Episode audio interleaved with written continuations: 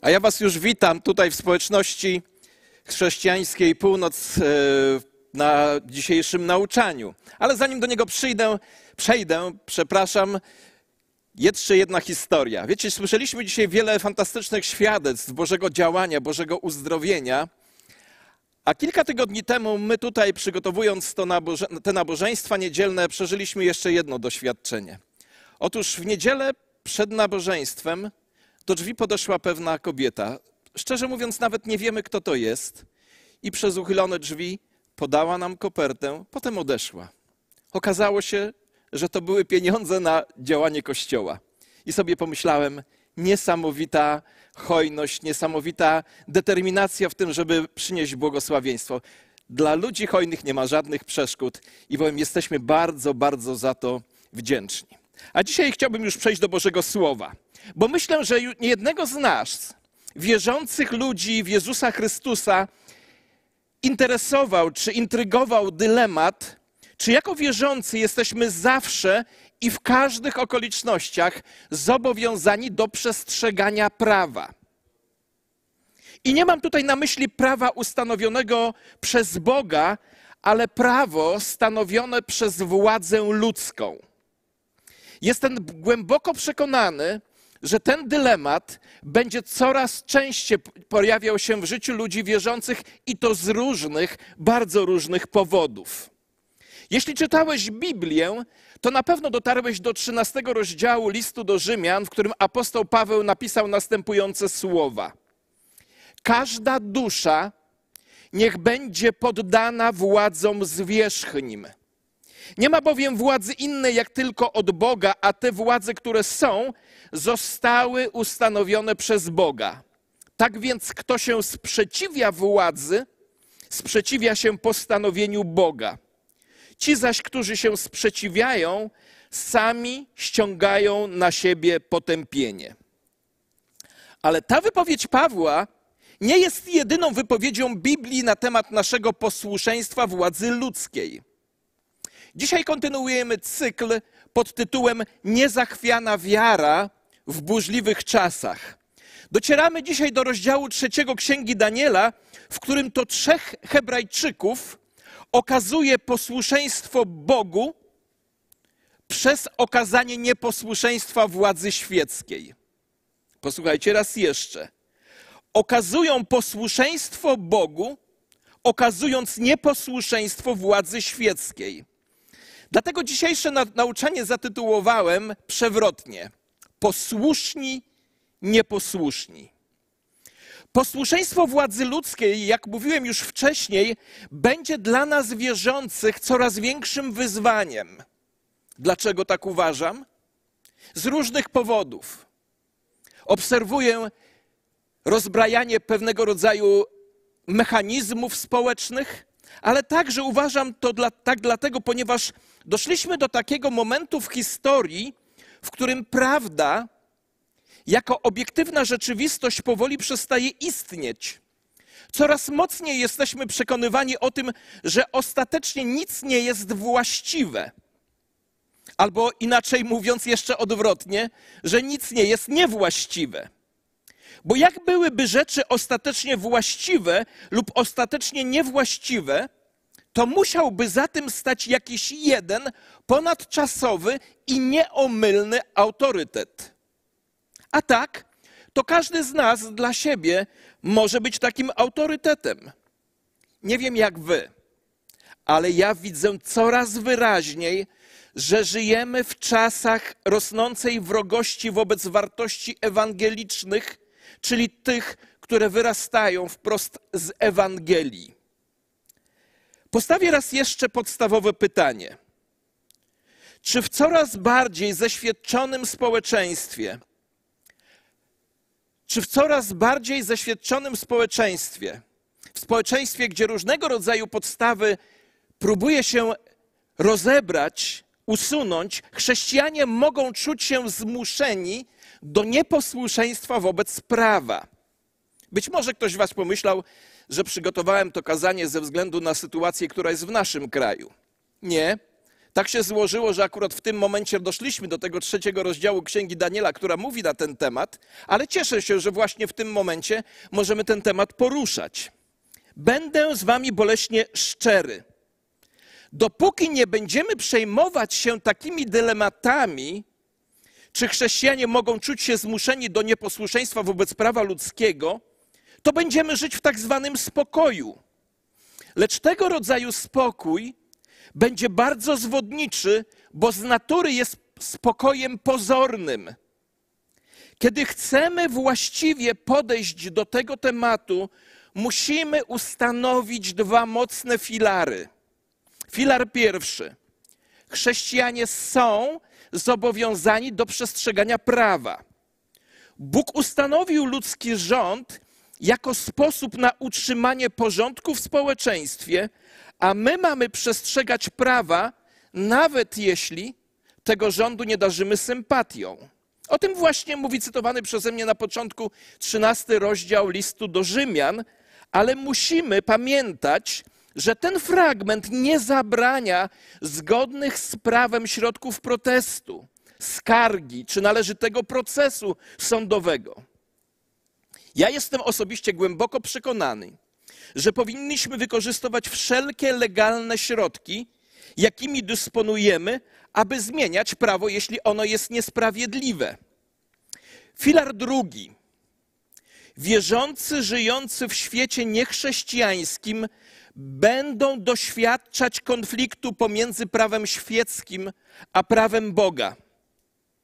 Ja osobiście uważam, i posłuchajcie tego bardzo, bardzo uważnie, że Bóg ustanawia władzę i daje jej pewien zakres władzy. To bardzo ważne stwierdzenie, które musimy chwycić. Kilka lat temu mówiłem o tym podczas kazania nad, pod tytułem Jak żyć, czy jak funkcjonować pod władzą Bożą i ludzką jednocześnie. Odsłuchajcie w tym czasie tego na Facebooku czy na YouTubie. Możecie to znaleźć. Link będzie dzisiaj zaznaczony na naszej stronie. To bardzo ważne przesłanie w dzisiejszych czasach. Ja osobiście uważam, powtórzę to raz jeszcze, że Bóg ustanawia władzę i daje jej pewien zakres władzy. I jeśli władza ten zakres przekracza, ja osobiście jestem przekonany, że mogę okazać jej nieposłuszeństwo. Muszę pamiętać, że jako obywatel, i my musimy pamiętać, że jako obywatele niebiańskiej ojczyzny żyjemy czasowo w królestwie tego świata, co powodować może konflikty, chociażby z tego powodu, że jedno królestwo jest królestwem duchowym, a drugie ziemskim. Co nie zwalnia nas od troszczenia się o ziemię, w której żyjemy. Bóg do tego nas w swoim słowie zachęca, że mamy troszczyć się o kraj, w którym jesteśmy. Mieszkaj w kraju i dbaj o wierność. W naszych czasach istnieje coraz większa przepaść między tymi dwoma królestwami w obszarach takich jak prawo, moralność, etyka, religia, medycyna, edukacja, media i wiele, wiele innych. Nie będziemy nigdy zwolnieni z odpowiedzi na pytanie, jak powinniśmy jako chrześcijanie reagować. Pamiętacie z historii, myślę, że niektórzy z nas pamiętają, taką władzę, która wierzymy wszyscy, że władza jest ustanowiona przez Boga. W pewnym kraju sąsiedzkim przed II wojną światową była taka władza, która nazywała się władzą kanclerza. Ten kanclerz miał władzę i ta władza miała pewien zakres. Ale w pewnym momencie ta władza kazała wskazywać miejsca, gdzie ukrywają się Żydzi. Po co? Po to, żeby ich zgładzić. Ta władza przekroczyła swój zakres. Co by to było, gdybyśmy jako chrześcijanie mówili, no przecież władza wydała taki przepis, mamy być posłuszni. W takim razie wydawajmy wszystkich Żydów, czy wszystkich, nie wiem, Polaków, bo tak też może być. Nie. Jest władza i zakres władzy. Jeśli władza przekracza zakres, nie muszę, ja, ja tak jestem przekonany i dzisiaj to na podstawie słowa chcę udowodnić, nie jestem zobowiązany do przestrzegania tych rzeczy, które przekraczają zakres władzy, która została ustanowiona. Dobrze, wróćmy właśnie do trzeciego rozdziału Księgi Daniela bo ten rozdział jest doskonałym przykładem takiego właśnie konfliktu między dwoma królestwami oraz dylematów, z jakimi stykają się wierzący w świecie i wyborów, jakie muszą dokonać. Posłuchajcie uważnie, to będzie długi tekst. Król Nabuchodonozor wykonał złoty posąg o wysokości 60 łokci i szerokości 6 łokci i postawił go na równinie Dura w prowincji Babilonu. Wtedy król Nabuchodonozor rozesłał posłów, aby zebrali książąt, starostów, dowódców, sędziów, skarbników, prawników, urzędników i wszystkich przełożonych prowincji, by przyszli na poświęcenie posągu, który wystawił król Nabuchodonozor.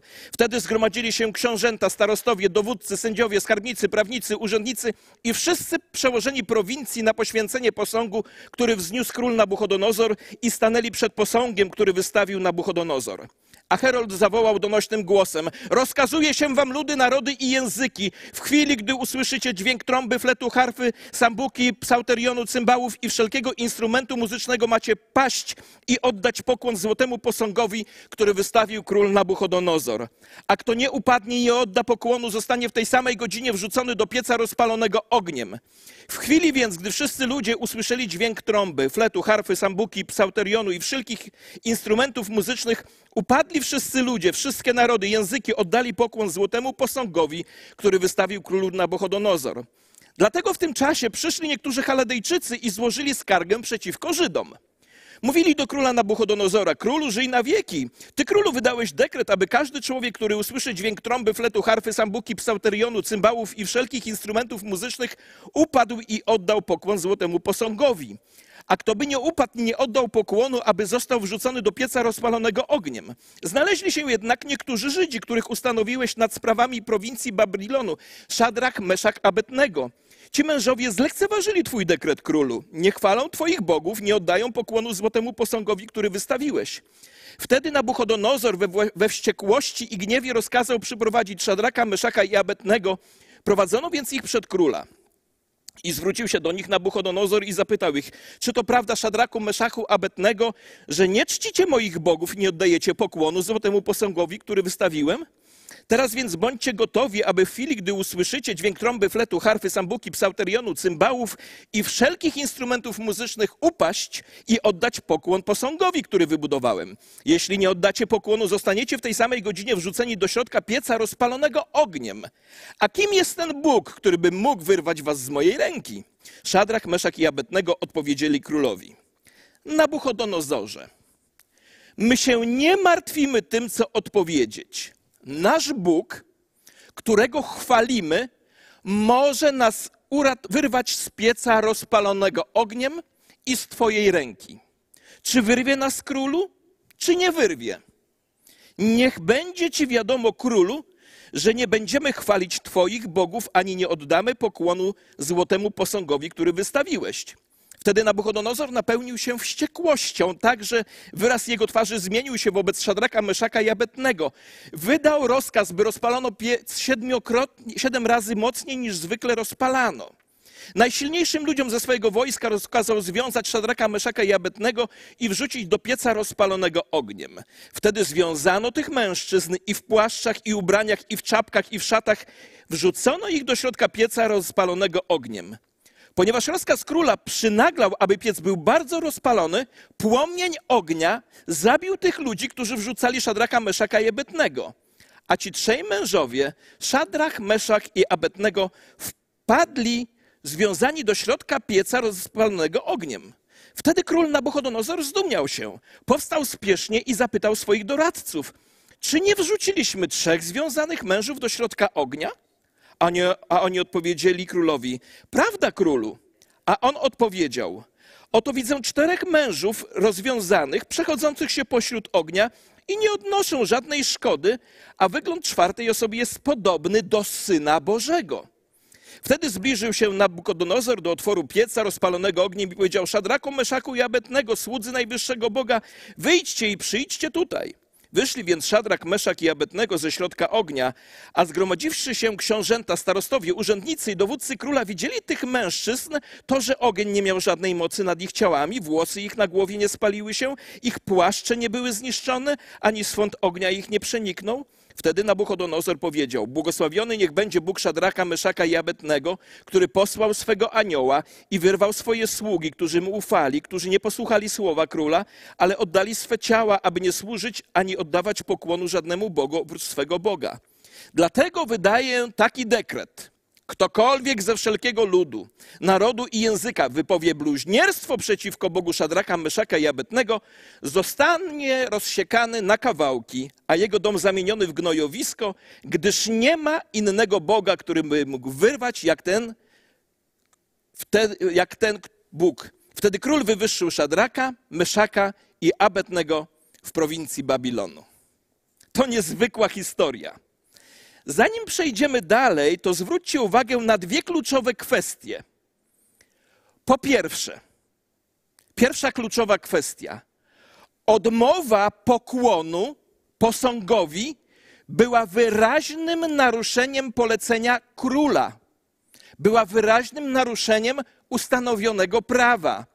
I było to celowe nieposłuszeństwo. Po drugie, podstawowym zagadnieniem było uwielbienie. Pokłon był aktem kultu. Chociaż oznaczało to złamanie prawa, trzej mężczyźni zdecydowali, że wolą umrzeć, niż pogwałcić własne sumienie. W skrócie tę historię można sprowadzić do trzech zdań, zaczynających się od słowa nie. Nie chcieli się kłaniać, nie ugięli się i nie spłonęli. Po pierwsze, nie chcieli się kłaniać. Bez wątpienia ten złoty posąg jest związany z faktem, że Nabuchodonozor był głową we śnie, głową złotą w swoim śnie. Ja mam też takie podejrzenia, obserwując historię ludzkości, że on chciał utworzyć jeden narodowy kult, by wokół tego kultu zjednoczyć wszystkich mieszkańców imperium. Być może już mieli takie nawet po, powiedzenie: Babilończyk to, złot, to czciciel e, złotocielca. Tak, albo inaczej, Babilończyk to, prawdziwy Babilończyk to złotocielec. Być może takie powiedzenie już chodziło, to sam sobie wymyśliłem, ale ja mam właśnie takie podejrzenie, że chciał utworzyć jeden narodowy kult, by wokół tego kultu zjednoczyć wszystkich mieszkańców imperium. Wszyscy zarządcy imperium musieli być obecni tego dnia, a rozkaz był jasny, że kiedy zagrają instrumenty, wszyscy kłaniają się i czczą posąg. W wyznaczonym momencie, gdy zespół zagrał, ogromny tłum padł na ziemię, ale trzech młodych mężczyzn, Szadrach, Meszach i Abednego, oni stali. Oni stali w milczeniu, podczas gdy wszyscy leżeli na ziemi. Słuchajcie, kiedyś już o tym mówiłem, gdy rozważaliśmy księgę Daniela, oni mogli znaleźć szereg samousprawiedliwień. Mogli powiedzieć tak: przecież wszyscy się kłaniają. My tylko udajemy, że się kłaniamy, a w sercu to tak naprawdę stoimy. Król był dla, dla nas tak dobry, że niewdzięcznością byłoby niekłanianie się. Jesteśmy zmuszeni wbrew naszej własnej woli do kłaniania się, więc Bóg nam wybaczy. Inna wymówka, nikt się w Jerozolimie o tym nie dowie. A jak tego nie zrobimy, to nas zabiją. Posłuchajcie uważnie. Jeśli chcesz iść na kompromis, zawsze możesz znaleźć wymówkę. Ale oni, ponieważ zamierzali być posłuszni Bogu, nie potrzebowali żadnych wymówek. Czego oni nie zrobili tego dnia? Oni nie koncentrowali uwagi na sobie. Nie powstrzymywali innych. Nikogo nie obrażali, nie ściemiali, nie prosili o amnestię. Kiedy nie posłuchali, zrobili to otwarcie, cicho i w pełnej uległości. Niektórzy astrologowie zgłosili to królowi. Zostali więc oskarżeni o trzy przestępstwa: brak szacunku dla króla, nieprawda, Odmowa służenia bogom Babilonu, prawda. I odmowa uwielbienia złotego posągu, to też prawda. To zdenerwowało króla, który im zaoferował drugą szansę. Ostrzegł ich przed ognistym piecem i zakończył złowieszczym komentarzem. Pytaniem: Który Bóg będzie w stanie uratować was z mojej ręki? Król wiedział, że ukłon oznacza poddanie się bogom Babilonu. Wiecie, to była prawdziwa duchowa bitwa. To nie była potyczka, to była potężna bitwa. Ostatecznie ci trzej młodzi mężczyźni odmówili pokłonu, ponieważ wiele lat wcześniej z dekalogu, z dziesięciu przykazań nauczyli się, że po pierwsze nie ma innych bogów przed Bogiem Izraela. A po drugie, z dekalogu dowiedzieli się, że Bóg zakazuje wszelkich form robienia podobizn i oddawania im czci. Mówiąc wprost, ci młodzi mężczyźni znali Boże Słowo i dlatego nie chcieli się kłaniać. Ci młodzi mężczyźni znali Boże Słowo i dlatego nie chcieli się kłaniać. Po drugie, nie ugięli się. Po pierwsze, nie przyznali się do winy, po drugie, się nie ugięli. Nabuchodonozorze, my się nie martwimy tym, co odpowiedzieć. Po drugie, potwierdzili swoją wiarę w Boga. Nasz Bóg, którego chwalimy, może nas wyrwać z pieca rozpalonego ogniem i z Twojej ręki. Po trzecie, posłuchajcie, to jest niezwykle ważne. Po trzecie, zgodzili się na wolę Bożą. Czy wyrwie nas królu? Czy Bóg nas nie wyrwie? Niech ci będzie wiadomo, królu, że nie będziemy chwalić Twoich bogów, ani nie oddamy pokłonu złotemu posągowi, który wystawiłeś. Słuchajcie, my znamy tę historię w całości, ale tych trzech młodych mężczyzn nie mieli pojęcia, że Bóg ich wybawi. Nie otrzymali żadnego wcześniejszego objawienia. Stojąc przed królem, oni wiedzieli, że mogą umrzeć. Powiem to jasno. Posłuchajcie. Oni nie wiedzieli, co się stanie, i ich to wcale nie obchodziło. Jedyną władzą, jaką władał nad nimi król, Nabuchodonozor, to była moc śmierci. A ponieważ nie bali się umrzeć, nie miał nad nimi żadnej władzy. Nie mógł ich zastraszyć, ponieważ w razie potrzeby oni byli gotowi umrzeć. Co więc możesz w ogóle zrobić z takimi ludźmi? Przyjrzyjmy się ich wierze. Uznali, że posłuszeństwo Bogu może nie być dla nich przyjemne. Mimo to nie uzależnili własnego posłuszeństwa od tego, że Bóg robi to, czego oni zapragną. Słyszycie? Oni nie uzależnili swojego posłuszeństwa od tego, że Bóg zrobi to, co oni zapragną. Wiedzieli, że Bóg może ich uratować, nie wiedzieli jednak, czy ich uratuje. Postanowili być posłuszni bez względu na to, czy Bóg zachowa ich przy życiu, czy nie. Zobaczcie, tak wielu z nas. Ja mam w tym też mistrzostwo świata. Chcę zawierać interesy z Bogiem. Panie, będę Ci posłuszny, jak zrobisz tak i tak. Ale Bóg nie zawiera z nami takich umów wzywa nas do wierności, a my jesteśmy wezwani do pozostawienia rezultatów wierności Jemu. Bóg wzywa nas do wierności, ale rezultaty tej wierności pozostawiamy Panu Bogu.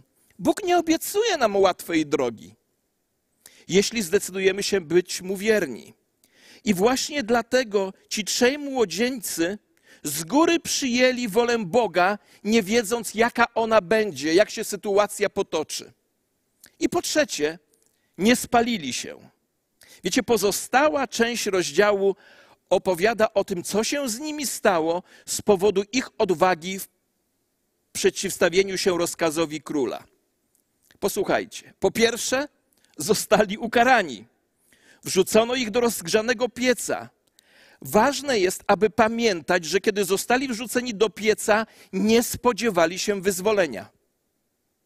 I to rodzi pytanie, dlaczego Bóg pozwolił, aby sprawy potoczyły się aż tak daleko.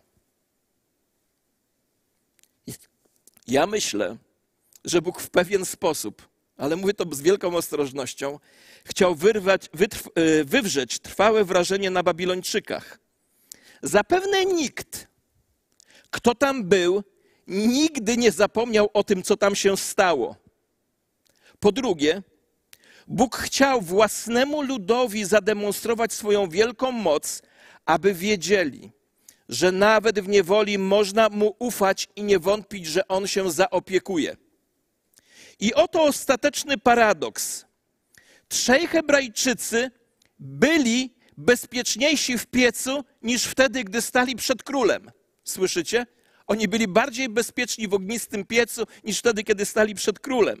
Gdyby nie zostali wrzuceni do ognia, z pewnością zostaliby zabici w inny sposób. Ale ponieważ piec był dla nich Bożą wolą, byli bezpieczniejsi w płomieniach niż gdziekolwiek indziej. Ja wiem, że to są mocne stwierdzenia. Po pierwsze, zostali ukarani. Po drugie, zostali zachowani. Ta część historii pokazuje nam niezwykłą troskę Boga o jego sługi. Kiedy Nabuchodonozor spojrzał w płomienie, spodziewał się ujrzeć trzech młodzieńców piekących się na śmierć. Zamiast tego widział, jak chodzą dookoła bez szwanku, a obok nich czwartego mężczyznę, chodzącego z nimi. I wiecie, jak go nazywa Nabuchodonozor? Nabuchodonozor nazywa go synem Bożym, co jest niesamowitym objawieniem, jakie otrzymał pogański król. Kto był tą czwartą osobą? Syn Boży, Jezus Chrystus. Gdzie jest Jezus w Danielu w trzecim rozdziale? Jest w piecu i czeka na młodych mężczyzn. Możesz dzisiaj samodzielnie wypełnić pewne matematyczne działanie. Na zewnątrz przed egzekucją było trzech mężczyzn, w środku czterech, a po wyjściu znowu trzech. Jeszcze raz. Na zewnątrz przed egzekucją było trzech mężczyzn, w środku czterech, a po wejściu na zewnątrz znowu trzech. Posłuchaj uważnie. Posłuchaj uważnie. Jezus objawia się w momencie, gdy jest najbardziej potrzebny. Nigdy wcześniej i nigdy później. To w płomieniach życia najsilniej doświadczamy obecności Chrystusa. Zawsze jest obok, ale ujawia się w ognistych piecach naszego życia.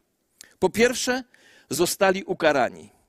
Po drugie, zostali zachowani. Po trzecie, posłuchajcie, zostali awansowani.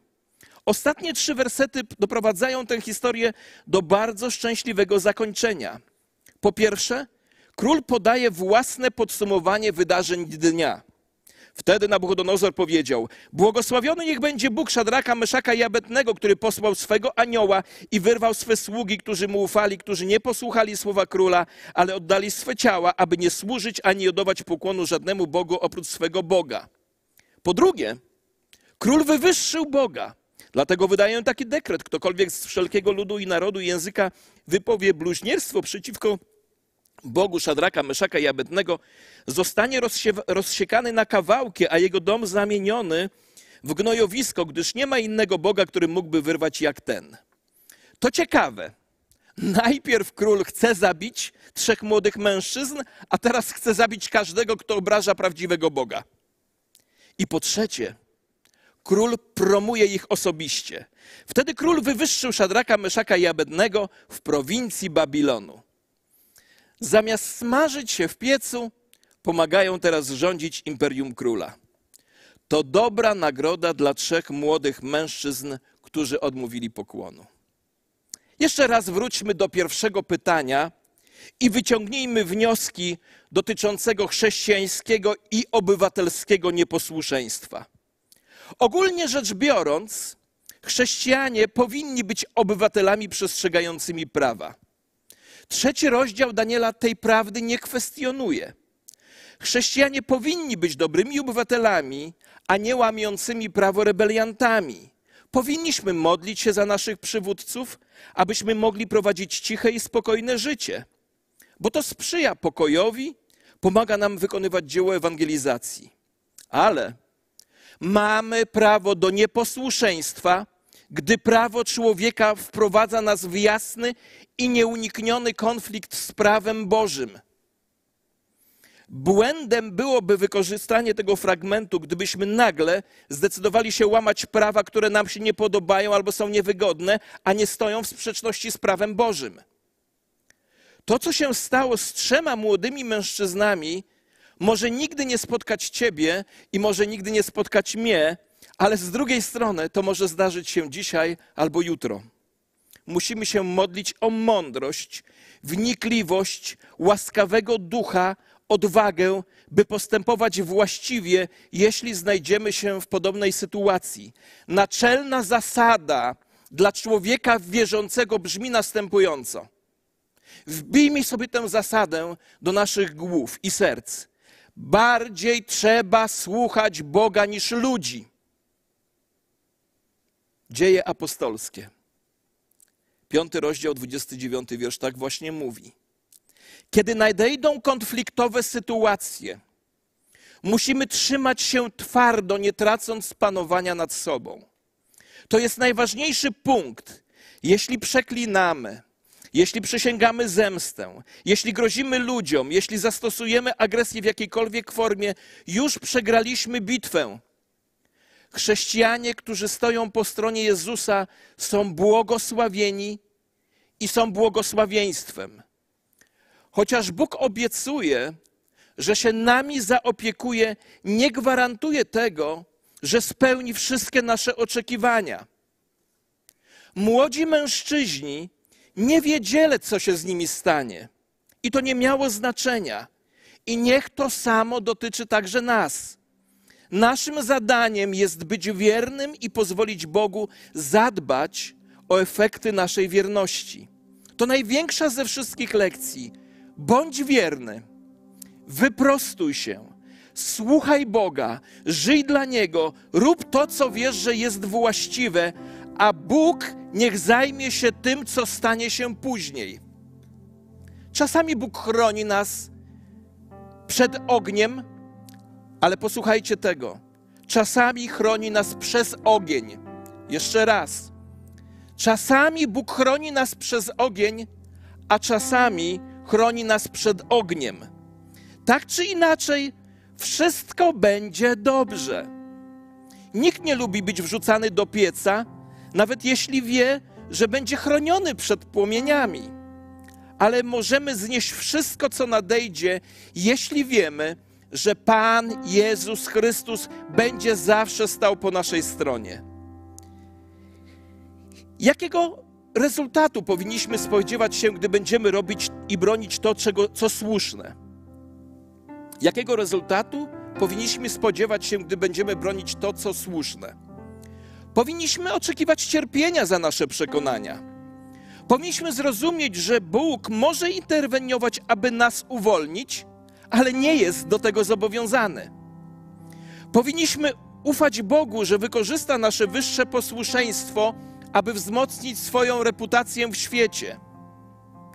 Kiedy przychodzi czas na nieposłuszeństwo, wypełniajmy nasz obowiązek z pokorną odwagą, a następnie wyniki pozostawmy wielkiemu Bogu. Nieposłuszeństwo nie jest wielką rzeczą. Wielką rzeczą jest wierność Bogu.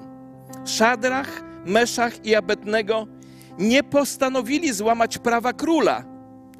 Oni postanowili zrobić to, co trzeba było zrobić. Powtarzam, nieposłuszeństwo nie jest wspaniałe.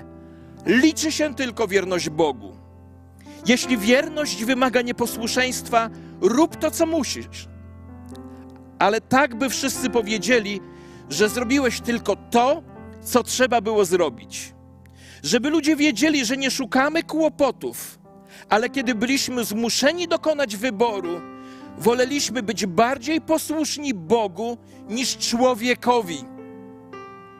Kiedy stajemy w obronie Jezusa i Jego wartości, Jezus staje za nami. Dla odważnych jest błogosławieństwo, którego tchórze nie poznają. Jezus stoi za tymi, którzy stoją za Nim. I to wszystko, co musimy wiedzieć, a reszta należy do Boga. Amen. I niech to słowo zamieszka w nas w całej obfitości.